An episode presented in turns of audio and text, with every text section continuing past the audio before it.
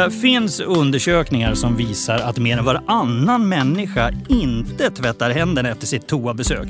Och då riskerar ju du nästan dagligen att ta i någon annans kiss och bajsbakterier när du greppar toahandtagen.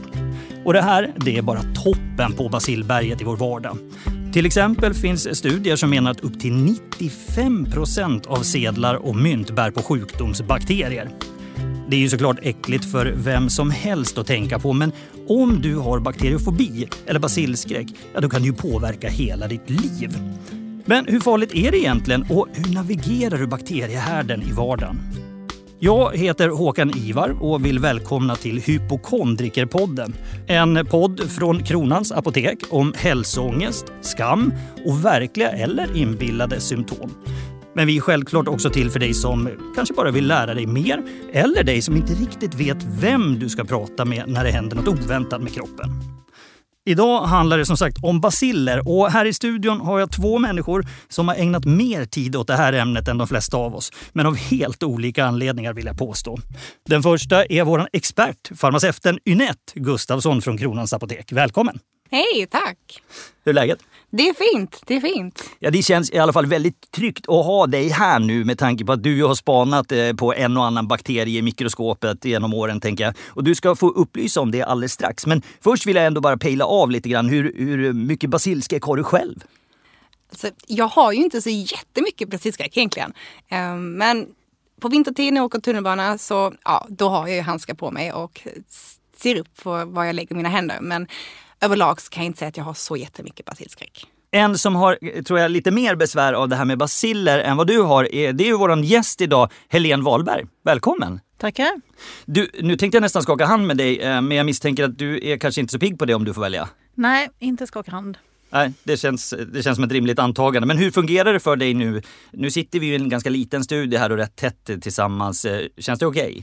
Ja, nu är jag förberedd på det här så att uh, det känns ganska okej. Okay. Ja, och du har fått låna hörlurar som inte är dina. Är det, är det okej? Okay? Det är väl inte min favorit men uh, idag får det gå. Ja, grymt jobbat. Jag, jag, tänker så här, om vi ska börja från början någonstans. Var, vad tycker ni att eh, gränsen går mellan eh, vanligt sunt hygientänk och det som vi kallar basilskräck då, eller renlighetstvång? Mm, jag skulle säga att om, om det påverkar din vardag negativt, faktiskt tar över din vardag, då där tycker jag gränsen egentligen går. Ja, alltså det är ju så att det påverkar ju min vardag helt klart. Men jag är så van vid det så att eh, ja, det är min vardag. Men om vi, vi pratar lite grann ju om, om basiller lite svepande som ett eh, begrepp så att säga. Men Inette, vad tycker du är de vanligaste missförstånden när det gäller ja, basiller och smitta och sådär? Från början kan vi reda ut basiller, vad är det för någonting? Jag tror i folkmun så slänger man sig lite med basiller och bakterier och menar väl egentligen kanske allt som smittar, både bakterier och virus. Men basiller är egentligen en typ av bakterie. Bakterier är lite större encelliga organismer som har en helt egen ämnesomsättning och behöver egentligen ingen annan för att kunna föröka sig och leva. Men tittar vi på virus så är de lite annorlunda. De är för det första mycket, mycket mindre. De kan leva själva men de behöver någon annan för att föröka sig. Så de inkräktar ju på våra celler och då tar över lite av vår eh, ämnesomsättning eh, för att lyckas föröka sig. Så att, eh, lite luriga på så sätt. Sen så pratar man ofta om goda och onda bakterier. Det är ganska sällan man pratar om goda och onda virus. För det är ju så att vi sitter faktiskt alla tre här med ungefär ett och ett halvt kilo bakterier i vår kropp. Oj! Det är ganska mycket. Det är många som inte vet det. Och vi har ju inte bara bakterier i vår tarmkanal som jag tror många är medvetna om. Eh, utan vi har ju även otroligt mycket bakterier på vår hud, eh, i våra slemhinnor och bakterierna hjälper ju oss. Det är faktiskt ett, ett, eh, ett skydd för oss mot, mot inkräktare, eh, mot annat som inte är lika bra för oss. Så att det finns ju väldigt mycket goda bakterier som vi ska vara glada att vi har. Eh, men dåliga bakterier och virus, man tänker ofta på eh, vinterkräksjukan som ett exempel, på influensan. Eh, när vi pratar då virus som faktiskt påverkar oss negativt, som gör oss sjuka. Tittar vi på bakterier så vet vi att, att matförgiftningar som ett exempel är ju direkt en, en följd av att dåliga bakterier tar sig in i vår kropp. Vi kallar det patogena. Då. Så man ska ju absolut ha respekt för både virus och bakterier. De är små men de är väldigt effektiva på att faktiskt påverka vårt immunförsvar och göra oss sjuka. Alltså det är ju helt galet. Man har ett och ett halvt kilo bakterier i kroppen. Jag måste smälta det här lite grann. Men det känns ju ändå tryggt att de flesta är goda. Eh, Helene, vad tänker du om det här med goda bakterier? Jag tror inte det finns några goda bakterier. jag, jag tror alltid på vetenskapen men, men i det här mm. fallet så, jag hör vad du säger men, mm. men.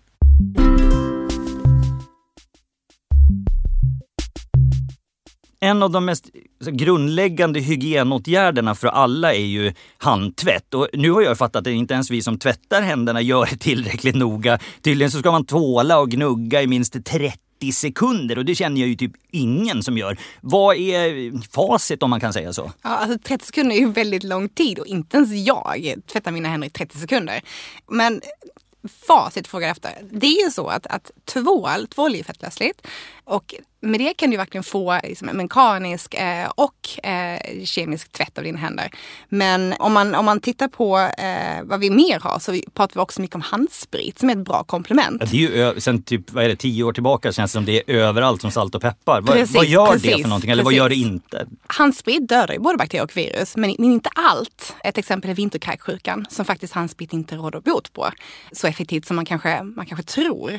Så att egentligen är det tvål och vatten, helt gammalt tvål och vatten som är faktiskt är det bästa. Men då är det inte bara så att du kan tvåla in dina händer på fem sekunder och tro att det är, det är klart så. Utan det finns en liten procedur att göra för att, för att verkligen veta att man eh, är ren. Och vad är den då? Ja exakt. Då är det så att eh, man, man fuktar sina händer och tar en ganska rejäl klick tvål. Och sen så löddrar man upp det i händerna och tvättar då händerna, både handflatan, på handen, mellan fingrarna, runt naglarna och verkligen gnider in. Och sen då sköljer man av med vatten. Och det är detta då man, man säger då ska ta ungefär 30 sekunder för att faktiskt veta, veta att man blir ren. Men då kan man säga då kort att så här, tvål och vatten duger utmärkt om man gör det ordentligt? Ja. I typ 30 sekunder? Ja. Kan det vara en bra ja. tidsgräns? Hur ser du på det? Känns det som eh, bra för dig eller du bara nej, nej, nej, det här är jättelight. Vad tycker du Helene? Nej, alltså jag gör det ju. Jag tvättar ju händerna flera gånger och sen spritar. Det känns ju oavsett om jag hör nu här experten uh, berättar så känns det ju bättre att sprita händerna, att alla bakterier försvinner. Det. Men hur ser din eh, procedur ut då när du tvättar händerna? Ja, jag tror jag ser mer eller mindre ut som någon som ska operera. Eh, ja. mm. Jag gör det väldigt länge och väldigt ofta.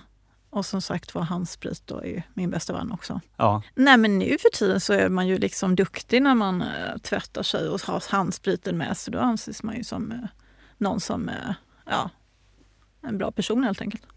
Men sen förstår jag att det här är mycket större än bara handtvätt för dig. Om du berättar, liksom, vad är ditt första minne av din basilskräck?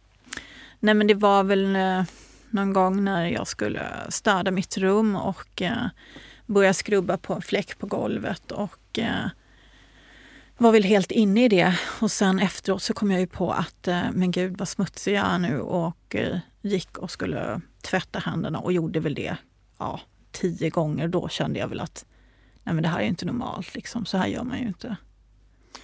Hur öppet kunde du prata om din basilskräck eh, under barndomen och uppväxten? Ja, men alltså mina föräldrar och så visste ju om det och eh, närmaste kompisen. Men eh, som sagt var, jag försökte ju hela tiden dölja det. Hur var det i skolan då? Ja, man försöker hela tiden undvika allting, handtag, allting och eh, framförallt då när jag skulle göra toabesök så gjorde jag det helt enkelt inte utan väntade tills jag kom hem. Vadå, du gick inte på toa i skolan alls? Eller? Nej, jag gick inte på toa någon gång. Utan ja, höll mig då tills jag kom hem. Kroppen vande sig vid det helt enkelt och det var ju säkert inte bra på något sätt men, men eh, det funkade faktiskt. Även då när jag vad heter det, skulle ha gymnastiklektioner så um, struntade jag helt enkelt i det och hittade på olika anledningar för där inne var det ju man skulle duscha bland andra och så vidare och eh, det var ingenting som jag kunde tänka mig att göra. Alltså, om jag förstår ju rätt så får jag ju känslan av att man, man pratade inte så mycket om, om sånt här på den tiden. Men idag vill du ändå berätta om det. Varför känns det viktigt för dig att, att prata om det här nu?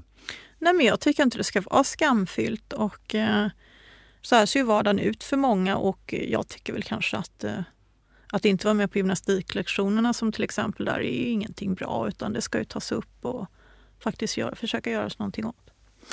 Men du får gärna beskriva lite, vad innebär basilskräcken för dig i din vardag idag? Nej men det som jag sa, överdrivet tvättande och överdrivet duschande. Jag duschar ju flertalet gånger om dagen och det kan ju många göra så men för mig är det liksom, jag är tvungen att göra det för att liksom må bra. Jag fungerar inte annars. Vad, vad innebär eh, överdrivet duschande? Hur många, hur många gånger duschar du om dagen? Ja, jag skulle vilja säga minst tre, men det är mycket mer. Så. Du duschar alltså fler gånger än tre? Ja, det gör jag. Det, allting ska vara grundligt. Håret tvättas alltid med både schampo och balsam då varje gång. Och eh, ansiktstvätten då, en särskild ansiktstvätt som jag använder flitigt eh, varje gång också. Och eh, ja, allting ska tvålas och, och göras ja, ofta och mycket. Det måste ju ta mycket tid i anspråk. Ja, men samtidigt som jag har jag har ju levt med det här så länge så att det går relativt fort tycker jag själv då. Så att, men visst, ibland får jag klagomål att jag kom nu, skynda dig på. Men ehm, hur är det för dig på jobbet och så? Hur fungerar det? Ja, just nu arbetar jag inte men eh, på jobb och så har man ju också fått anpassa mig till det och arbetskamraterna också då har väl sett att man har, ja, man ska gå och tvätta händerna överdrivet mycket och sådär. Men kan du ge några exempel på hur, hur du gör för att liksom... Behöver du tänka på något särskilt sätt? När jag till exempel ska gå på restaurang och så, så väljer jag liksom lite dyrare restauranger för jag inbillar mig att där är det renligare. Eh, så. Men just nu när vi sitter här och pratar om det så tänker jag ju liksom på att jag vill inte gå in i deras kök heller oavsett hur dyra maträtterna är. Varför inte då? Nej, för att såklart är det ju snusk och basiller där inne också. Men, men, eh, men så tänker jag i alla fall för att kunna gå iväg och käka en bit mat. Har du sökt behandling för det här någonting under åren eller hur har det sett ut? Nej, det har jag faktiskt inte gjort. Ehm, Jag vet ju att det finns, men det har jag inte valt att göra. Hur kommer det sig då? Jag har väl inte, även om vi nu sitter och pratar om det, jag ser att det begränsar mig, så har väl jag inte tyckt att det begränsat mig tillräckligt mycket för att jag ska göra det. Och skulle nog kunna tänka mig att göra det om till exempel, precis som vi var inne på, att eh, det är någon partner då som att det inte förhållandet skulle fungera på grund av eh, eh, det. Då skulle jag väl kunna tänka mig då. Ynette, vilka är de vanligaste behandlingsmetoderna för den här typen av fobier? Det vanligaste är ju kognitiv beteendeterapi, alltså KBT. Och det innebär att man sitter ju tillsammans med en terapeut eh, och försöker tillsammans identifiera olika tankemönster och beteenden som leder till den eh, ångest som man känner i samband med sin fobi. Sen så eh, kan man ju även såklart också addera en, eh, en läkemedelsbehandling till det. Vilket också är ganska vanligt att man eh, äter som till exempel antidepressiva då för att kunna hantera den ångesten som man också känner i relation till detta. Men en del av KBT som jag tror många associerar med den det är ju det som kallas exponeringsterapi. Att man faktiskt utsätter sig till viss del för det man faktiskt har fobi eller är rädd för. Och att man ökar på det. Så det är också en del av den behandlingen då. Vad- Hur, hur känner du för det, eh, Helene? Skulle, är det något du skulle kunna tänka dig? Eller? Ja, Rent spontant, medicinera med antidepressiva, det skulle jag aldrig tänka mig att göra. Men KBT? KBT, jag tycker faktiskt att jag sysslar lite med en egen KBT. Att jag utsätter mig för saker. Sen kanske inte det är så professionellt som det skulle vara där. Men jag upplever att jag pressar mig och Mm. ja, till saker. Men vad skulle till för att du skulle trycka på knappen så att säga och, och prova eh, beteendeterapi? Nej, det skulle nog vara som sagt att eh, en, eh, jag hade en relation och att det inte skulle fungera där. Men inte för egen del skulle jag inte. Nej. Hur är det med personliga relationer om man har basilskräck? Kan du ha ett förhållande? Jo, men det, det har fungerat. Men det är klart att man får stålsätta sig ibland. Och mina pojkvänner har väl då också fått, vara, fått lära känna den här bakteriefloran som jag umgås med hela tiden. Så de har ju också fått, eh, ja, men, fått tvätta sig lite extra och framförallt om de varit i köket och sådär. För att det ska kunna fungera då så har jag invaggat dem i det. Men, men samtidigt då att vara överdrivet renlig är ju då bättre än att vara motsatsen. Så det har väl inte liksom varit att, ja, man har ju sett det mellan fingrarna på grund av att det är, ja så då. Jag måste ju fråga, hur, hur, hur fungerar det för dig att vara intim med någon? Jo, men det har ju varit en träning att, eh, att vara det och eh, det har fungerat och jag har lärt mig att kunna ja, vara naturligt. eh, Ja, att det är naturligt.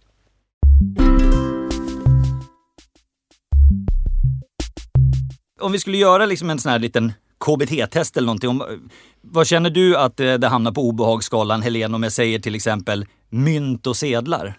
Usch, säger jag då. Nej, men såklart jätteäckligt, men nu så har man ju kort och då slipper man just att ta i själva sedlarna då. Hur är det då med till exempel tryckknapparna på kortmaskinen och sådär? De, tycker ju, de står jag till och med och funderar över. Ja, ja, precis. Det är samma sak där. Men vadå, kan du stoppa ner kortet i plånboken eller måste du tvätta den också då? Eller vad? Nej, men jag, jag har ju olika procedurer. Jag torkar ju av och så jag får göra allting så när jag kommer hem då. Men plånboken är ju någon slags äckelhärd liksom att man... Plånbok och telefon, det, det måste jag ha. Ja, mobilen ja. Det är ju en sån här grej också som jag har läst att den har mer bakterier än en toalettsits. Typ. Kan du ha, har du en mobil eller? Ja, jag har en mobil och jag... Ja, det är en stor bakteriehärd. Och jag tvättar ju den. Jag putsar ju den med olika medel och det. Så det, de blir inte så långvariga för att jag... Alltså, de går sönder. Ja, då, jag förstör dem helt enkelt av alla saker som man inte ska ha på dem. Och, En sak som jag aldrig har tänkt på men som en väninna sa att hon bara, mina barn får aldrig sätta sig i sängen när de kommer hem med jeans som de har haft hela dagen. Hur är det för dig? nej, nej, jag tar av mig kläderna som jag haft ute och sen går de rakt ner i tvättpåsen. Så du sätter dig aldrig ute i byxor och sånt som du har Nej, haft och ute? skulle det någon gång vara så så har jag en speciell filt då och sen åker den då ner i, i tvätten. En sittfilt? Ja, en sittfilt. Och där får även de som kommer hem till mig, de få som får göra det, sitta på sittfilten då, ingen annanstans.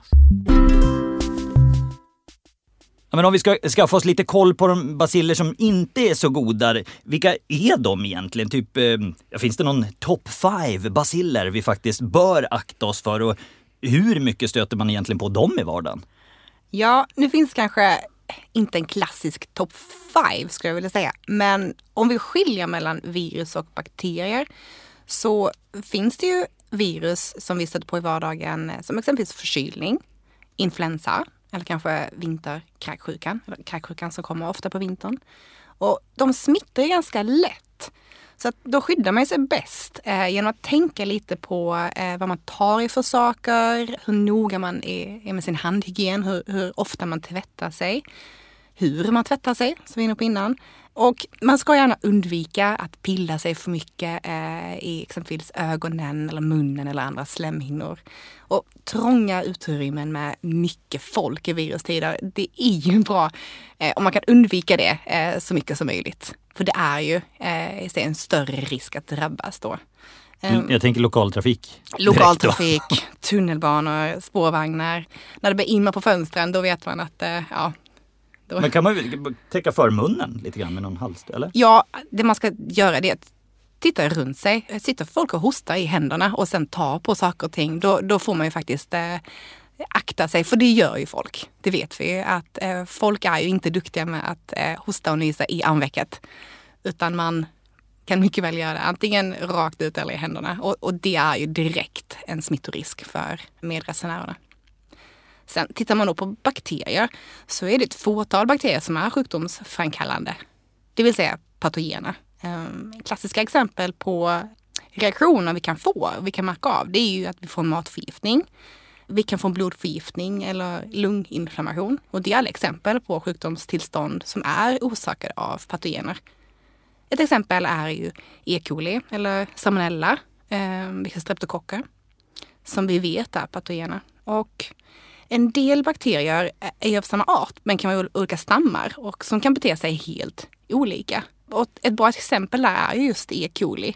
Ja, det, är, ju- det är ju sådana ord som man tycker man läser Precis. tiden. Men vad är det? Nej, men E. coli är ju en typ av bakterie där det finns eh, vissa stammar som är väldigt patogena. Där kanske du känner igen E. häck eller E. tech. Ja, just det. Och de kan ju orsaka kraftiga diarréer och är livshotande för oss om vi, om vi får in det via munnen.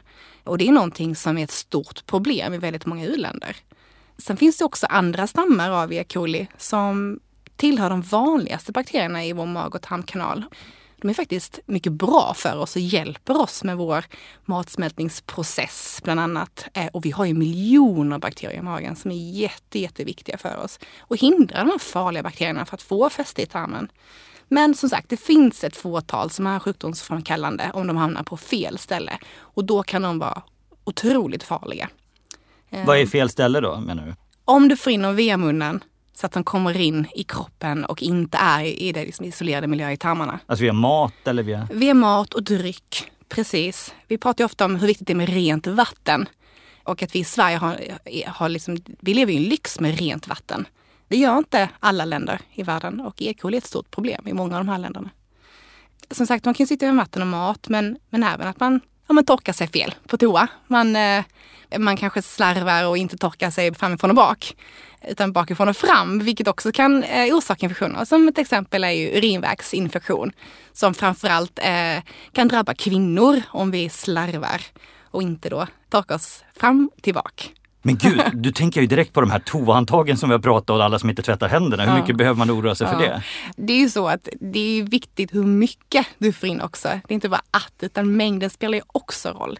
Eh, och när du pratar om just toahandtag, ja, vi vet att det är inte det renligaste stället i världen de här toahandtagen. Framförallt nu eh, så gäller det ju att tvätta händerna Eh, även ni som går på toaletten tvättar händerna. Men det hjälper um, ju inte ehm. om man gör det och sen tar man i toa. Jag brukar öppna papper, det måste jag säga. Ja, ja. Eller ta armbågen. Ja. Ja. Men nej, nej men absolut, man får ju vara medveten om att, att det finns ju risk för att det finns eh, onda bakterier på de här. Jag känner att jag börjar tänka som dig Helene i den här situationen. Bara öppnar man armbågen, men då blir tröjan smutsig och då måste den tvättas. Då får inte den nuddade på vägen. Är det så, är det, tänker du så? Liksom, eller? Ja, ja det, tvättmaskinerna går ju mycket hemma för att man får ju allting som man har tagit alla kläderna som man har varit ute med måste ju tvättas när man kommer hem. Hur många tvättar går det hos dig på en dag? Nå, jag säga? Ja, minst en. Ja. Men en del forskare och bakteriologer som väl är de som kan mest om det här, de menar ju äh, att det finns äh, en överdriven rädsla för bakterier i samhället och att vi snarare borde exponera oss mer för det här. Håller vi, håller vi på att bli för renliga? Mm, det finns ju mycket diskussioner eh, om just det och man har ju sett att allergierna som vi ser idag, de har ju ökat ganska mycket sedan 1950-talet. Och man ser även att eh, på bara 10-20 år så har ju rapporter kommit in om överkänslighet mot olika allergiframkallande ämnen, att det har stigit mer och mer. Det är väl så att man kan inte riktigt säga att det är just detta som är den direkta orsaken till det. Men de flesta forskare de är överens om att, att det är miljö och ärftliga faktorer som har stor betydelse i dessa fallen. Men då tänker jag Helena, du som tvättar dig så mycket som du gör, då tvättar du väl typ bort de bra bakterierna. Hur, hur har det påverkat ditt eh, immunförsvar? Tror du att du blir oftare sjuk än andra eller vad är din erfarenhet? Alltså det känns ju som att jag att det inte är så men, men jag tror precis som du säger att såklart att jag jag kan ju inte gå ut på ett dagis utan att bli sjuk bara de tittar på mig. Så, så tror jag faktiskt att jag har mindre motståndskraft i och med att jag inte utsätter mig och, och är överdrivet renlig. Men finns det någon gång när eh, basilskräck liksom är bra? Det är ju generellt bra att vara renlig. Framförallt i tider när vi har, när vi vet att det går sjukdomar, går smittor eh, på förskolor, på jobbet. Så att självklart, ha sunt förnuft. Går det smittor, var noga med att inte stoppa fingrarna i munnen och klia dig eh, i, i slemhinnor och ögon och så, utan faktiskt tvätta händerna med tvål och vatten. Ha handsprit nära till hands och tvätta dig då och då med även det. Är du utomlands, ja då kanske du faktiskt inte ska dricka kranvatten om det finns en ökad risk för att det är förorenat. Så att sunt förnuft tänker jag. Tvål och vatten. Men Helene, om, om, vad skulle du vilja förmedla till de som lyssnar om, om vad man önskar sig mest från omgivningen om man har basilskräck? Nej men det är väl vanligt hyfs att man håller för, håller för när man nyser. Alltså det, man sitter på tunnelbanan eller buss och så. Ja, det är ju faktiskt väldigt enkelt och klokt för oss alla skulle jag vilja påstå. Tack så hemskt mycket Helene eh, för att du kom och pratade så öppet om det här. Vi har ju kommit lite till vägs ände för den här gången och eh, jag hoppas att vi har kunnat lugna några oroade själar. Eh, tack också till dig Ynette såklart för att du har lärt oss lite mer om det här med virus och bakterier. Det jag tar med mig idag det är att vi har ett och ett halvt kilo bakterier i kroppen och att de flesta är ju faktiskt bra mm. eh, om de ja, håller sig absolut. på rätt ställe då. Eh, såklart. Ynette, vad vill du att man tar med sig från idag? Ja, jag vill att man tar med sig att om man sitter hemma nu och har tankar och funderingar kring det vi har pratat om idag, eller att man börjar bli lite orolig förlåt, med sin hälsa, så är det många som glömmer att vi faktiskt finns här. Och att man kan komma in till oss och prata om ganska mycket saker. Nu är vi ju inte läkare, Vi ställer inga diagnoser, men vi är experter på läkemedel och rådgivning. Och vi kan ge råd om otroligt mycket. Och det finns verkligen inga obekväma ämnen eller tabun hos oss. Ja, det verkar ju helt klart bättre än att googla fram någon skum katastroflänk där man inte vet vad det är för källa. Absolut. Och många gånger när man googlar då, då hittar man ju väldigt mycket olika fakta. Det kan vara svårt att veta vad som är sant och falskt. Och man vill ofta ha ett svar nu, nu, nu. Men är det så, då, då finns ju vi i vardagen. Ehm, så att kom in och prata med oss på Kronans Apotek. Ja, där har vi det. Vi hörs eh, nästa gång. Tack för idag ni. Tack. Tack.